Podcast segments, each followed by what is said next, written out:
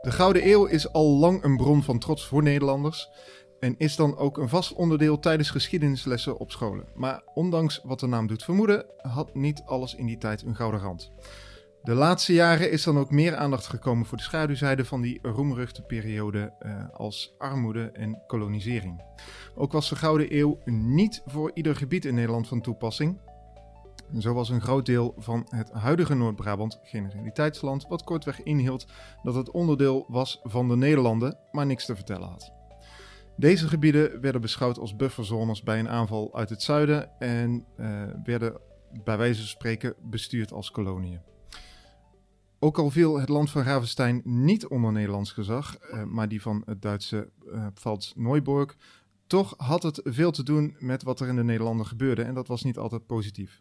Dus toen de Gouden Eeuw in 1672 abrupt eindigde, met wat het rampjaar is gaan heten, waren ze in Ravenstein er minder rouwig om. Sterker, het 350 uh, jaar jubileum werd dit jaar in Ravenstein gevierd als het jubeljaar. Uh, aan tafel zitten uh, Theo van Duren van de Vrijstaat van het Land van Ravenstein en Martin-Jan van Maurik, van, uh, vooral bekend van de Ravensteinse Loterijfonds. En die kunnen daar meer over vertellen over dat jubeljaar. Maar voordat we daarover beginnen, zowel de Vrijstaat als het Loterijfonds zijn eigenlijk al onderwerpen dat eigenlijk al een eigen aflevering zou kunnen verdienen. Even in het kort, de meeste mensen zullen het al wel weten, maar toch even in, in het kort. Uh, wat is de Vrijstaat en wat is de Loterijfonds? Eerst even, Theo, wat is de Vrijstaat in een paar zinnen? De Vrijstaat Land van Ravenstein is het land, dus het land van Ravenstein dat opnieuw de zelfstandigheid heeft uitgeroepen vijf jaar geleden. Op 7 juli vieren we het vijfjarig jubileum. Dus ja, wij fungeren weer als een uh, zelfstandig land. Uh, zo, met de grenzen, zeg maar, zoals die bekend waren. Ex, uh, ja, precies diezelfde grenzen.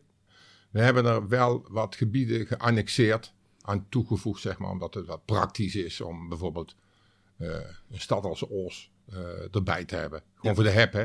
Ja, voor de duidelijkheid, maar na Napoleon is, is het gebied Land van Ravenstein is aan de Nederlanden toegevoegd. Uh, ja, klopt. Dat gebied, daar hebben we het over. Ja, dus daar hebben we het over. Uh, de, de noordzijde wordt begrensd door de Maas. Daar heb je Ravenstein en dan ga je naar beneden naar Overlangel. Dan krijg je Reek, Zeeland, ja. Uden, Boekel. En Huizen Padua ligt dan op de grens. Schaik hoort daar ook nog bij als je weer terug naar boven gaat. Uden, Schaik. En dan hier een paar dorpen over den Dam, heet dat. Ja. Loterijfonds in het kort? Nou, het Loterijfonds is een organisatie die ontstaan is in 1729. Uh, de oprichting daarvan hield samen met de behoefte aan een nieuwe katholieke kerk. Let wel, een nieuwe katholieke kerk in een tijd waarin uh, het land van Rauwenstein werd omringd door Calvinistische Hollanders. Die daar de lakens uitdeelden. En wij hier in Rauwenstein hadden dus ook daar moeilijk mee, omdat wij helemaal ingesloten lagen tussen, zeg maar, weliswaar Brabanders, maar werden wel beheerst en, en, en, overheerst door, door die Calvinistische Hollanders. Dat men toch in die tijd, in 1729, dacht aan een nieuwe katholieke kerk in Ravenstein, was natuurlijk bijzonder, omdat het ook een soort daad van protest was. Denk eraan, hier is nou godsdienstvrijheid. En al die mensen die in ons omringende gebieden niet meer een geloof vrij konden uit, uitoefenen, die konden dan de grens oversteken. Deze sowieso al, allerlei kapellen op de grens van het land van Ravenstein, uh, in, in, handel, bijvoorbeeld de Handelse Kluis, maar ook in de Koolwijk hier, hier, hier vlakbij. Maar die kregen nu ook nog een, een soort bedevaartskerk, werd het van, hier in Ravenstein, van de Heilige Lucia, op, die gesticht is dus in 1735 is hij geopend, ingewijd, maar die dus de vrucht is van uh, een actie die in 1729 is gestart. En die actie, uh, dat fonds dat toen gevormd is, dat is het zogenaamde Loterijfonds. Dat bestaat nog altijd. Ik ben daar gelukkig voorzitter van. Zij het dat we nu te maken hebben met een kerk die gesloten is door een steltje onverantwoordelijke lieden in, in want daar zit de pastoor. En dan hebben we nog een bischop die, die zich uh, niet laat, laat horen en, en een soort, uh, een soort aan de leiband loopt van, van diezelfde pastoor.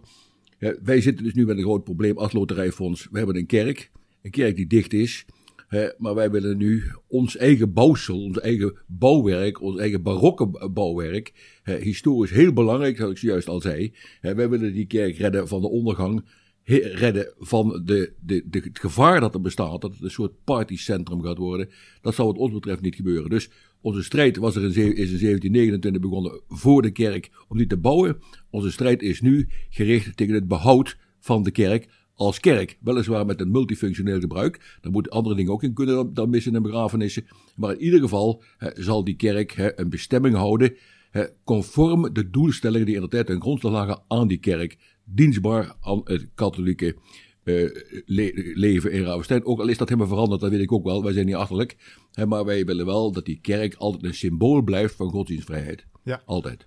En daarnaast uh, heeft de Loterijfonds, uh, uh, ja, die, die, gebruikt zeg maar hun fonds om bepaalde dingen in de gemeenschap ja, dus het Loterijfonds dat, te, te financieren. Ja, het Loterijfonds is dus, het is niet de Loterijfonds, maar het Loterijfonds. Sorry. Dus het Loterijfonds is, is zeg dan nog in 1729 gesticht om die kerk te bouwen. Dat is een groot succes geworden.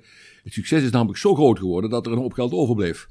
Uh, daar hebben we vervolgens nog van alles en nog wat mee gedaan. Daar hebben we onder andere een Franse school mee uh, opgericht. Daar hebben we verder nog een, een, tekenschool mee ondersteund. We hebben allerlei pastoors, kapelaans en, en paters onderhouden van het geld. Uh, en toen dat op een gegeven moment allemaal niet meer hoefde, hebben wij het geld aangewend hier voor het sociaal-culturele leven in Ravenstein. Ja. Bij gevolg dus, dus dat wij nog iedere maand bijna wel een, een verzoek krijgen tot bijdrage voor, voor dit of bijdrage voor dat. Dat zijn vaak maar kleinere bedragen. Het gaat om, misschien om, een paar honderd euro of zo. Maar men is daar blij mee. Als je het aan het organiseren bent, dan is, dan is het 400, 500 euro is natuurlijk hartstikke mooi.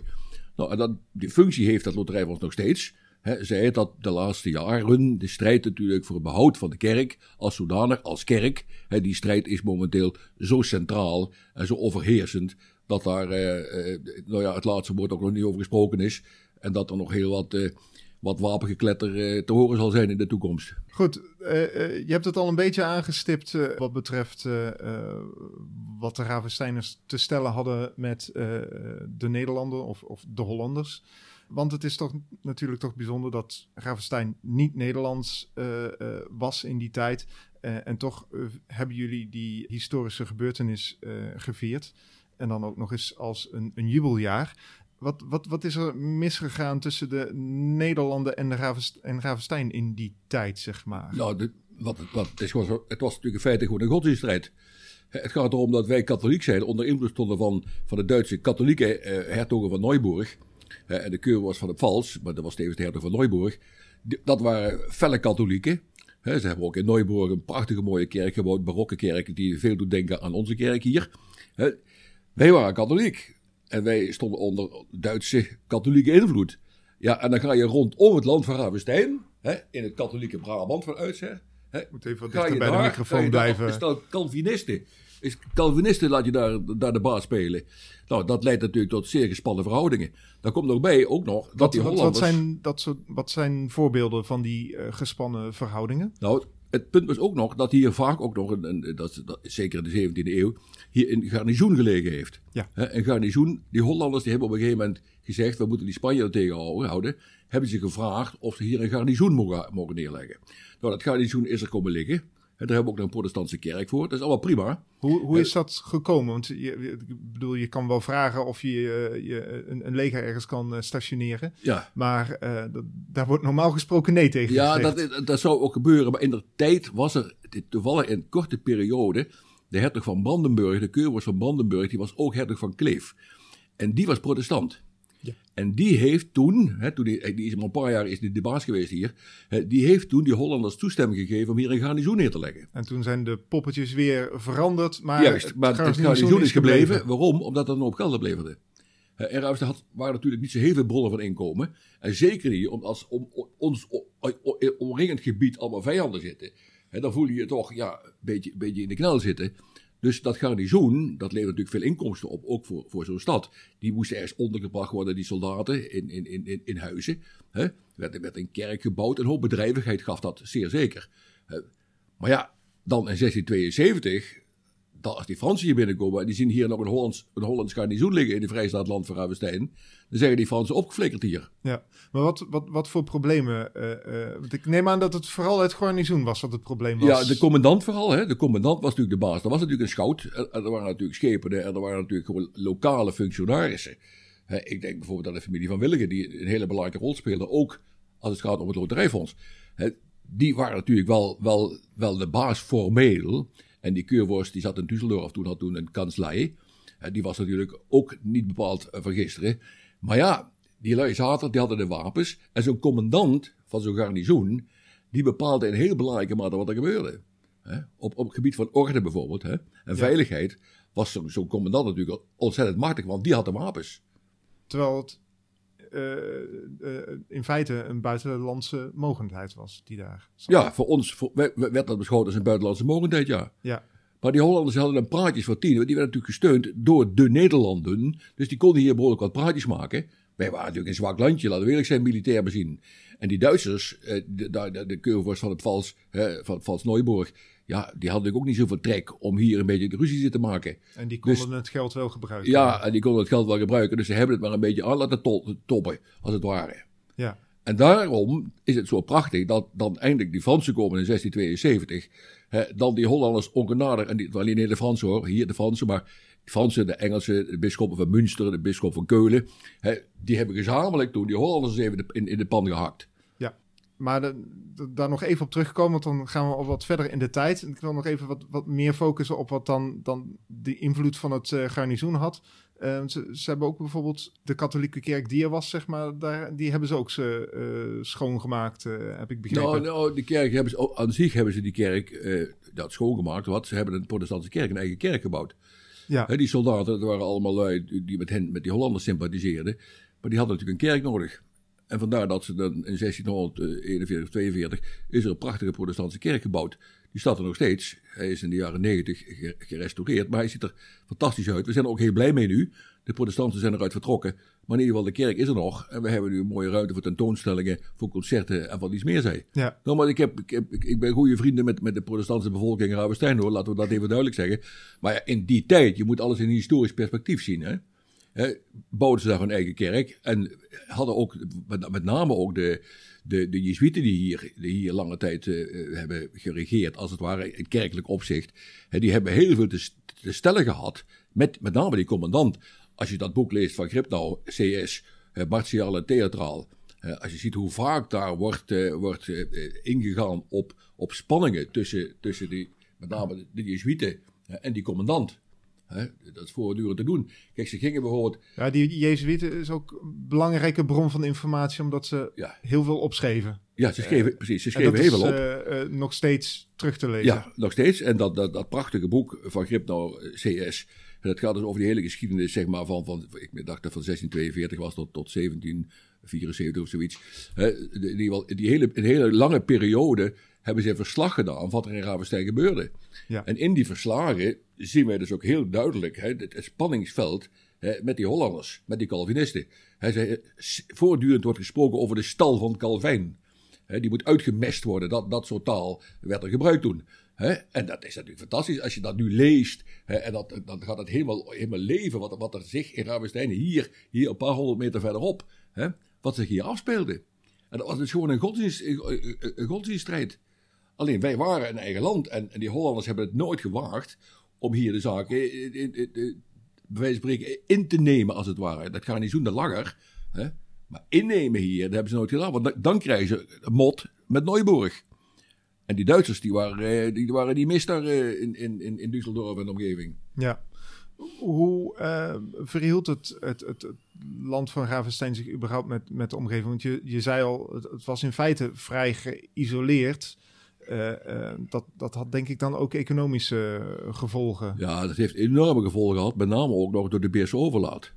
He, wij zaten dus al ideologisch misschien op een eiland op een gegeven moment, toen die Calvinisten de baas waren. Ja. Maar verder... Even, even, terug, wat, wat, wat is de Beerse overlaat? Ja, de Beerse overlaat, dat we ook nog uitleggen. Die Beerse overlaat, dus die werd bij tijd en wijle, werd de Maas als het ware uh, op, doorgestoken, de dijk in Beers. in Beers en dan liep dat water liep hier binnen, binnendoor, als het ware, niet, niet door de Maas, maar liep hier door de polders. Ja. Hè, liep dat rechtstreeks naar de bos, hè, naar Gewanden om precies te zijn. En dat betekent dat hier een enorme watervlakte ontstond. Dan gaan we van een soort eiland. Ja, en dat, dat, dat, dat was als de, uh, het water in de Maas uh, te hoog staat, ja. dan uh, moet er even een plek worden gecreëerd om inderdaad binnendoor te gaan. Ging ja. binnendoor te gaan. En dat was, ja, als dat gebeurde, dan, dan was het was hier gewoon een eiland. Dan was het afgesloten. Dus dus die, die geïsoleerde positie had natuurlijk enorme ook economische consequenties. Ja. Want Ravenstein was niet, niet agrarisch. Wij moesten het niet van de landbouw hebben. Het waren vooral ambachtslieden die, hier- die hier zaten. Oorspronkelijk bij het kasteel. en, en later dus weer in dienstbaar aan het garnizoen. Want die moest ook, ook schoenen, gelapt worden, de schoenen gelapt krijgen. en die moest ook eh, weet ik wat hebben. Maar dat is altijd ambachtelijk geweest. De landbouw heeft hier nooit, nooit, nooit, nooit iets betekend in het land van Ravenstein. Tenminste, niet, niet in Ravenstein en omgeving, laat ik het zo zeggen. Maar wel natuurlijk de peel, hè. De peel was natuurlijk wel, wel eh, van enig belang, omdat, omdat daar turf gestoken werd. Dus voor, voor, dat was een soort brandstof natuurlijk in die tijd ook. Hè, dus in die zin, die peel speelde, had wel een agrarische betekenis.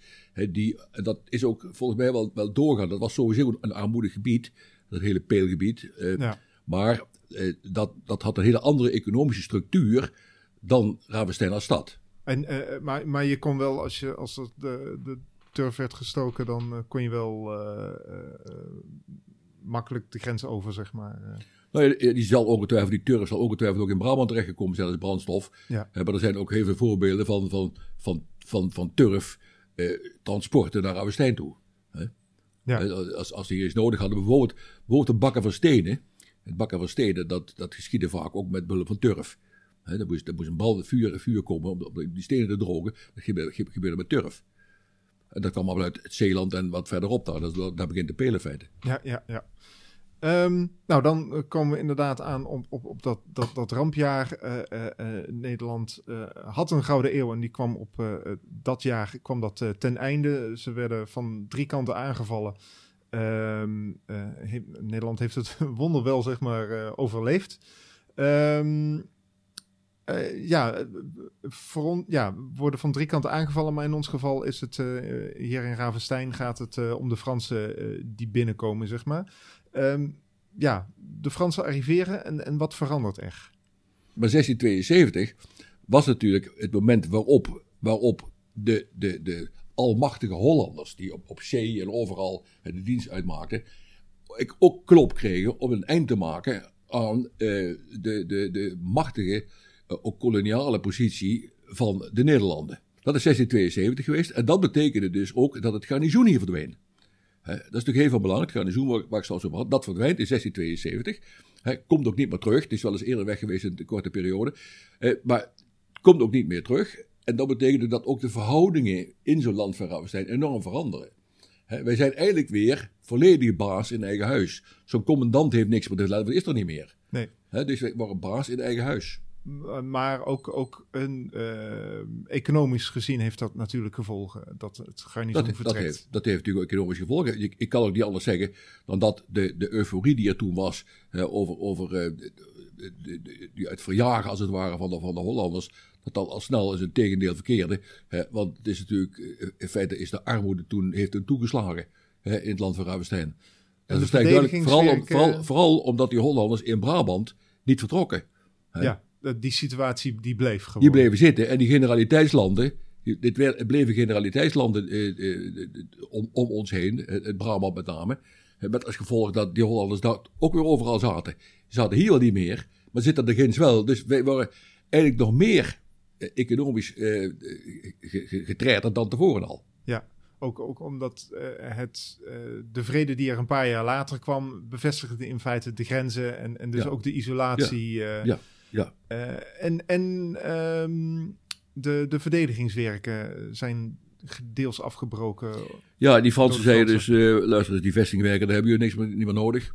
Hè, die weg daarmee, dat, kunnen, dat kan alleen maar tegen ons gebruikt worden.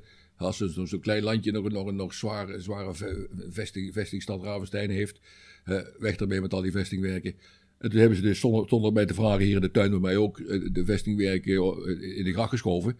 Eh, als ik dat geweten had, dan had het, was het nog niet, niet, niet klaar geweest. Maar het is toen ook, hier is het bastion van Mars, zoals dat heette. Het heet Van Mar eigenlijk, maar goed. Het bastion van Maar is de gracht ingeschoven, zodat die gracht nu gehalveerd is qua breedte. Ja. Dat is eh, aan de andere kant misschien ook alweer weer leuk, omdat we later pas hebben, hebben een ander vestingwerk hebben gevonden wat daaronder weer lag. Dus in zoverre, eh, eh, ja, die vestinggeschiedenis is, is in die zin heel bijzonder. In 1672, naar aanleiding van 1672, naar aanleiding van de, de Franse inval, is alles opgeruimd, zo'n beetje. Blijven wel wat, wat dingen over. De gracht bleef ook liggen en zo. Hè, liggen gehalveerd, zoals ik zei. Maar het, dat is, heeft heel enorme consequenties gehad, voor, ook voor de Ravenstein als vestingstad. Want sindsdien is, is Ravenstein als vestingstad nooit meer echt opgebouwd. Ja. Kijk, in Heusden hebben ze van alles kunstmatig hersteld na de Tweede Wereldoorlog. Maar bij ons hebben ze niks hersteld na de, na de, de Franse inval. Er zijn natuurlijk wel nog heel veel ontwikkelingen gaande op het gebied van Ravenstein als vestingstad. Maar dat komt omdat we momenteel een stichting vestingwerken hebben in Ravenstein, waar ik toevallig ook voorzitter van ben. En die stichting vestingwerken die doet het uiterste best om Ravenstein als vestingstad hè, hè, opnieuw kleur op de wangen te geven. Een blos op de wangen. Ja. Hè? Even, even, naar Theo. Als ik het zo hoor, dan eh, is het niet allemaal om te jubelen, eh, het jubeljaar. Er zitten ook wel wat nadelen aan. Maar jullie vieren het toch. Natuurlijk. Het gejubel komt vooral uit, voort uit het feit dat we die mooi aan kunnen grijpen om, eh, om ons land te positioneren hè, in, dat, in dat enorme geopolitieke spel in Europa. Eh, krijgen wij in één keer een eh, veel belangrijkere positie eh, als wij duidelijk maken dat wij hier jubelen om het feit, hetzelfde feit waar de Hollanders om liggen te jammeren. Hè, dus ja, het is voor ons een mooie aanleiding om het feit dat we vijf jaar geleden weer zelfstandig zijn geworden, om dat weer uit te dragen. Het, Wij in jubelen feite, en daar ginds, aan- boven de Maas zijn ze allemaal aan het snotteren. Het, het, het, rampjaar is in feite ook, ook een bevestiging van de zelfstandigheid van het land van Ravenstein. Ja, Ja. pre- precies. Nou, kijk, het, het, het is, ik zie het echt als eh, een opnieuw intensief beleven van een historische identiteit. Eh, daar moet je van alles van vinden. Sommige mensen vinden vlammen flauwekul. Maar historie is ontzettend belangrijk. Weten waar je vandaan komt is belangrijk. Dat iedereen zoekt naar zijn eigen roetje tatan. Eh, Zo'n heel gebied hier in Ravenstein, als je daar goed nadenkt, waarom zijn hier dingen? Waarom zijn die gebouwen hier? Waarom ligt die grachten hier? Waarom is dit er? Waarom is het allemaal hier? Dat is een kwestie van identiteit en een kwestie van, van bewustwording en wi- willen leven met dat idee en er ook iets mee doen. En het leuke is dus nu dat we de afgelopen vijf jaar, met name dus Theo, er is iets mee gaan doen. Ja, iets, iets wat dichter bij de microfoon. Die is er zijn. iets mee gaan Ja. doen. Die is dus echt gezegd van, wij moeten dit gebruiken. Hè, dit land van Ravenstein. Dit is geen idee, het is een realiteit geweest, vele, vele jaren. Hè. Laten we vooral dat idee van het land van Ravenstein, laten we dat nog eens een keer, nou dat heet dat tegenwoordig in de markt zetten, maar daar komt het eigenlijk wel op neer. En laten Ja. we dat eens uitdragen en onze eigen trots ontwikkelen. Hè. Trots ontwikkelen. We zijn natuurlijk heel vele, ja, eeuwenlang eigenlijk zijn we in, in de verdoemhoekje gezeten. Laten we het nu eens uitdragen dat wij trots zijn op wat we hier hebben. Ravenstein is natuurlijk een, prachtig mooi plaatsje. Als je dat vergelijkt met al die, al, al, die plaatsjes in de omgeving, is dat maar niks. Kijk, Graven is ook mooi, maar goed, dat hoort niet bij het land van Ravenstein. Maar voor het overige, als wat er aan kerken en kloosters is allemaal. In het hele land van Ravenstein is ongelooflijk wat daar aan kerken en kloosters en historisch erfgoed is. Hè, Dus je moet het ook verbinden met erfgoed. En als je liefde hebt voor, voor erfgoed, hè, dat heb ik in hele hoge mate, en heeft Theo ook. Als je liefde voor erfgoed hebt, liefde voor, dus, dus ook voor geschiedenis. Hè, kijk, Ja. da- dan gaan die zaken echt leven. En dan ben je er als het ware, en dat kan ik dan nu omdat ik toch met pensioen ben, hè, ga je er, da- ben je er dag en nacht mee bezig. Ik wou net zeggen, het is, het is ook al een beetje een levenstaak geworden eh, nu. Ja, Dat, is, dat is het inderdaad, ja. Ja, het is een, le- een levenstaak geworden. Hè, je hebt iets heel moois. En het is altijd een beetje onder de stof gezeten. Hè, de, gemeente Os heeft er jarenlang geen, geen bal aan gedaan. Hè, nu, nu wordt het eindelijk wordt het een beetje wakker geschud. Bedenk nou toch eens wat wij hier hebben. Ja. Ja, want dan, dus dan gaan we misschien een beetje eh, op een ander pad. Maar ehm, eh, ja, dat is niet altijd eh, zoveel eh, eh, waardering geweest voor eh, lokale geschiedenis. Hè? Dat het echt. Eh, ehm, ja, dan als je v- 50 of 100 jaar geleden eh, zou terugkijken, dan, dan wordt dat veel minder gewaardeerd, toch? Ja. De- ik denk inderdaad, nou ja, kijk, ik denk dat er toen 100 jaar geleden helemaal geen tijd voor was. Ja, nou, dat, om om, dat om ja. daaraan te denken. Eh, eh, ja, hoe moet, je, hoe moet je dat duiden? Waarom, waarom nu wel? Ja, ik denk toch wel omdat eh Martin Jan van Mark schout is geworden. Nou, nou kijk, ik, ik denk, je moet, dat- ik geef altijd het voorbeeld van wat er in een bos bij de, de binnendienst gebeurde. Dat was bijna allemaal dichtgegooid, Ja. al dat water. Daar staat er iemand op die zegt, dat moeten we vooral niet doen. We moeten het ook, ook benutten voor de bos, voor, om de bos in het licht te plaatsen. We moeten die binnendiezen met, met alle routes en alles, die moeten we mooi maken Ja. en plaf en dichtgooien. Ja, e- eerst werd er economisch gedacht Ja, en daarna meer, misschien meer richting toerisme en, bijna. en nu, kijk, laten we zeggen, de welvaart, Nou ja, is, de welvaart, is, hier, zien. de welvaart is hier hoog genoeg in Nederland. Die kan best wat minder wat mij betreft. Maar dan is het wel, als de welvaart er is, als de mensen allemaal tevreden hebben en te zuipen, hè, om het heel ordinair uit te zeggen, dan komt de vraag op, hebben wij nog iets anders misschien te doen? Iets idealistischer. Ja. Nou, en dat is waarschijnlijk ook waarom het toerisme, hè, dus daar is ook zeer sterk toegenomen, maar ja, toerisme heeft wel bezienswaardigheden nodig, anders heb je geen toerisme. Wel nu, dat is, als je dat voortbouwt op het economisch welvaren, welbevinden hè, van, van, van Nederland, dan is de volgende stap bijna logisch, schoonheid. Ja. Schoonheid. En dan ga je alles wat er, wat er verpest is in de afgelopen jaren, dan zeg je, dat is jammer dan. Heel Os is bijvoorbeeld verpest. Hè, weet iedereen. Het enige was dat Os jarenlang over herrie zit te maken over, die- over die sheddaken. Hè, die zit, er zit helemaal geen dak meer op trouwens. Het zijn muren. Hè, maar altijd, dat was, oh sheddaken. En dan hebben ze een zwaard in Os, hè, een prachtig zwaard uit, uit, met, met een situla gevonden in, in, in, trouwens niet in Os, maar op de hei daar in, eh, in, in Zeuvenberg, Zeuvenbergen. En dan gaan ze dan, leggen ze dan Leiden neer. Ja, dank u. Dat gaat hier dus niet gebeuren. Ja, zo- zoveel mogelijk alles in Ravenstein houden. Ja, Nou, ja, ik, ik denk, wat heel belangrijk is, die, die herontdekking van dat land van Ravenstein, van de geschiedenis van Ravenstein, dat dat gekoppeld is toch wel aan Martin-Jan van Maurik, die hier in zijn eigen tuin eh, aan het graven gaat, al in de jaren, eind jaren tachtig was het geloof ik, dat hij die ontdekte, en die hier dat vestingwerk naar boven haalt. Er is een heel boek over geschreven, ook weer tegen de zin van de Hollanders in, want die kwamen, die, kwamen het stilleggen.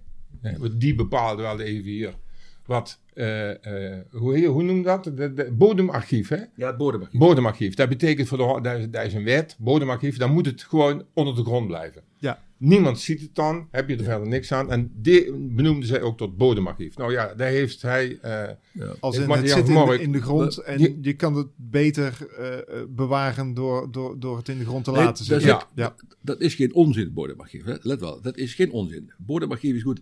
Blijf er alsjeblieft met je poten vanaf. Want je vernielt het alleen maar. Het, komt, komt, het wordt blootgesteld aan regen en wind. Weet ik wel.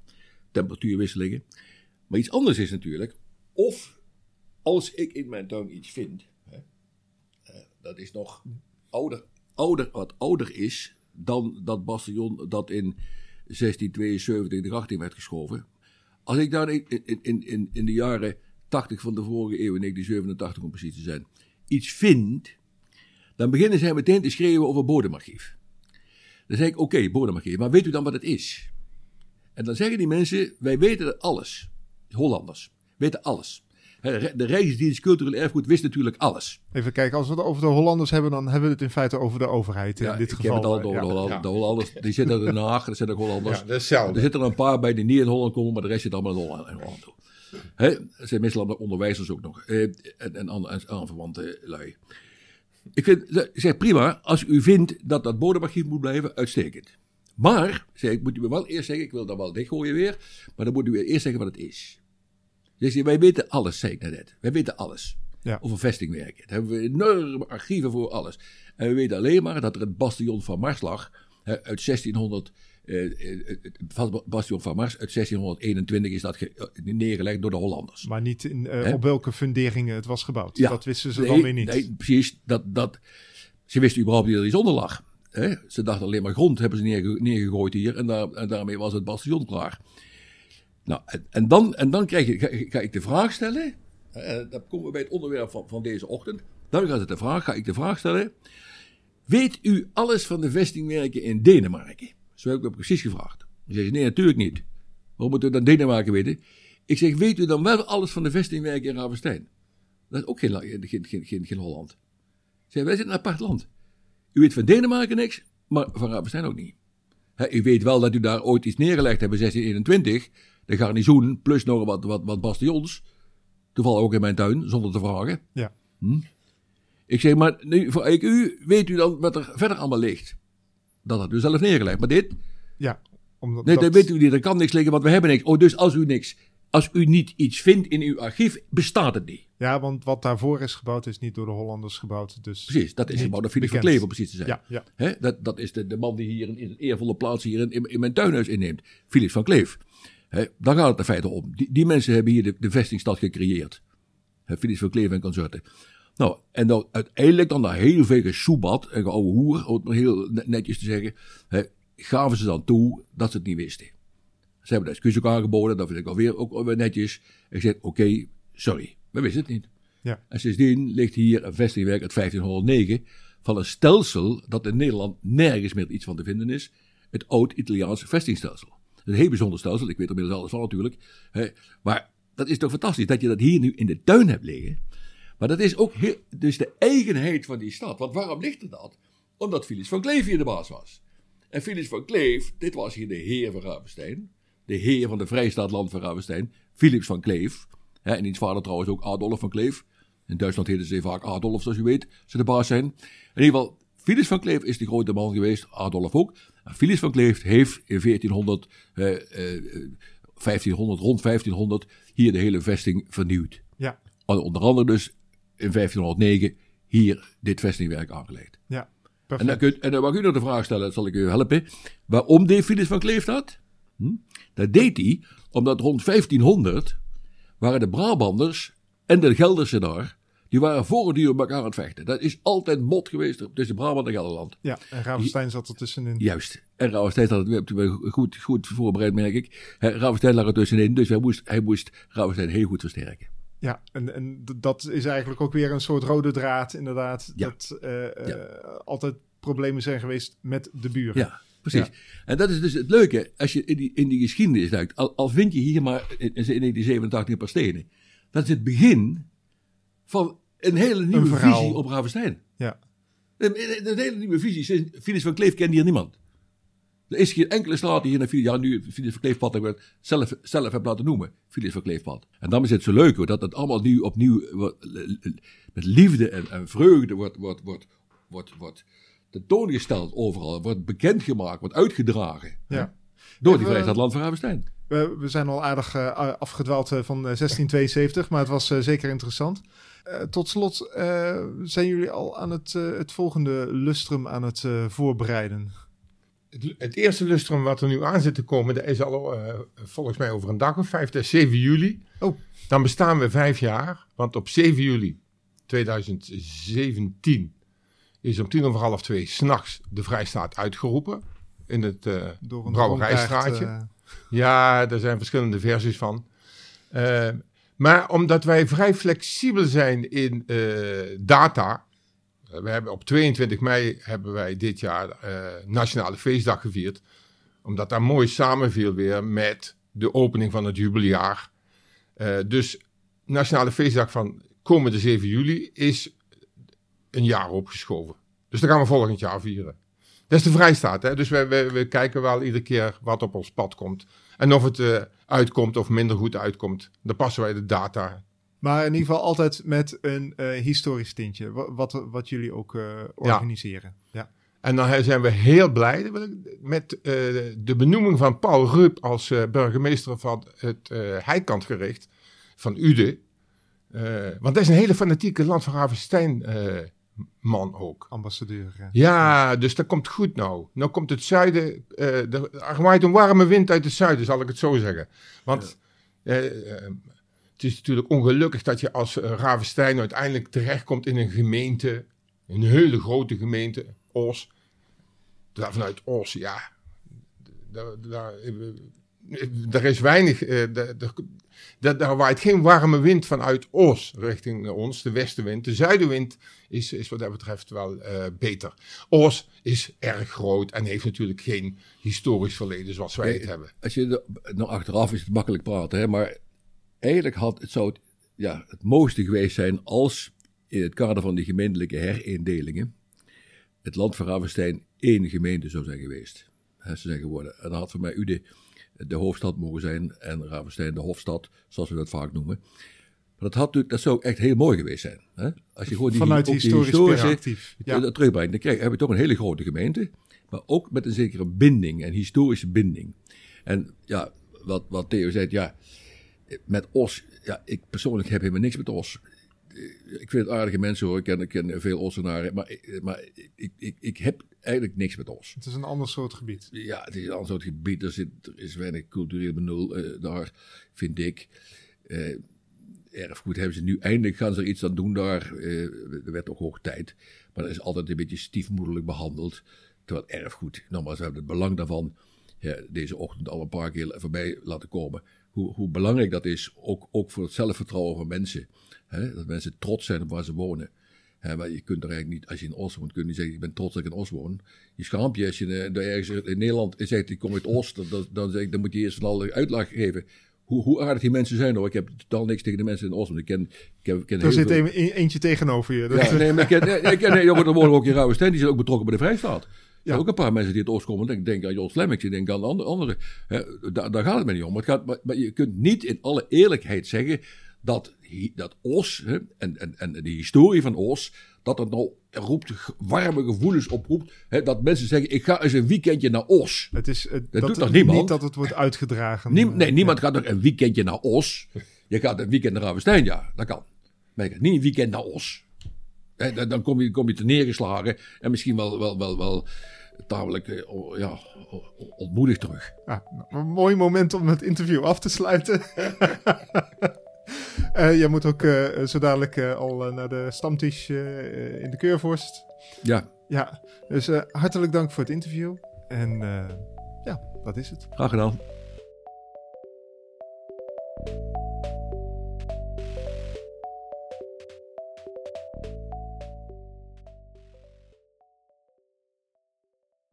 We hebben goed voorbereid.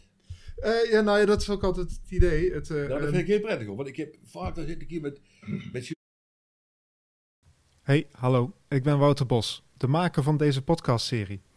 Leuk dat je deze aflevering helemaal tot het einde beluistert. Eh, nog meer afleveringen kan je vinden op www.derestisgeschiedenis.nl. Je kan het ook beluisteren via verschillende podcastaanbieders als iTunes, Spotify en Google Podcasts. Als het mogelijk is om bij je aanbieder ook een review achter te laten, dan wordt dat zeer gewaardeerd. Tot de volgende aflevering.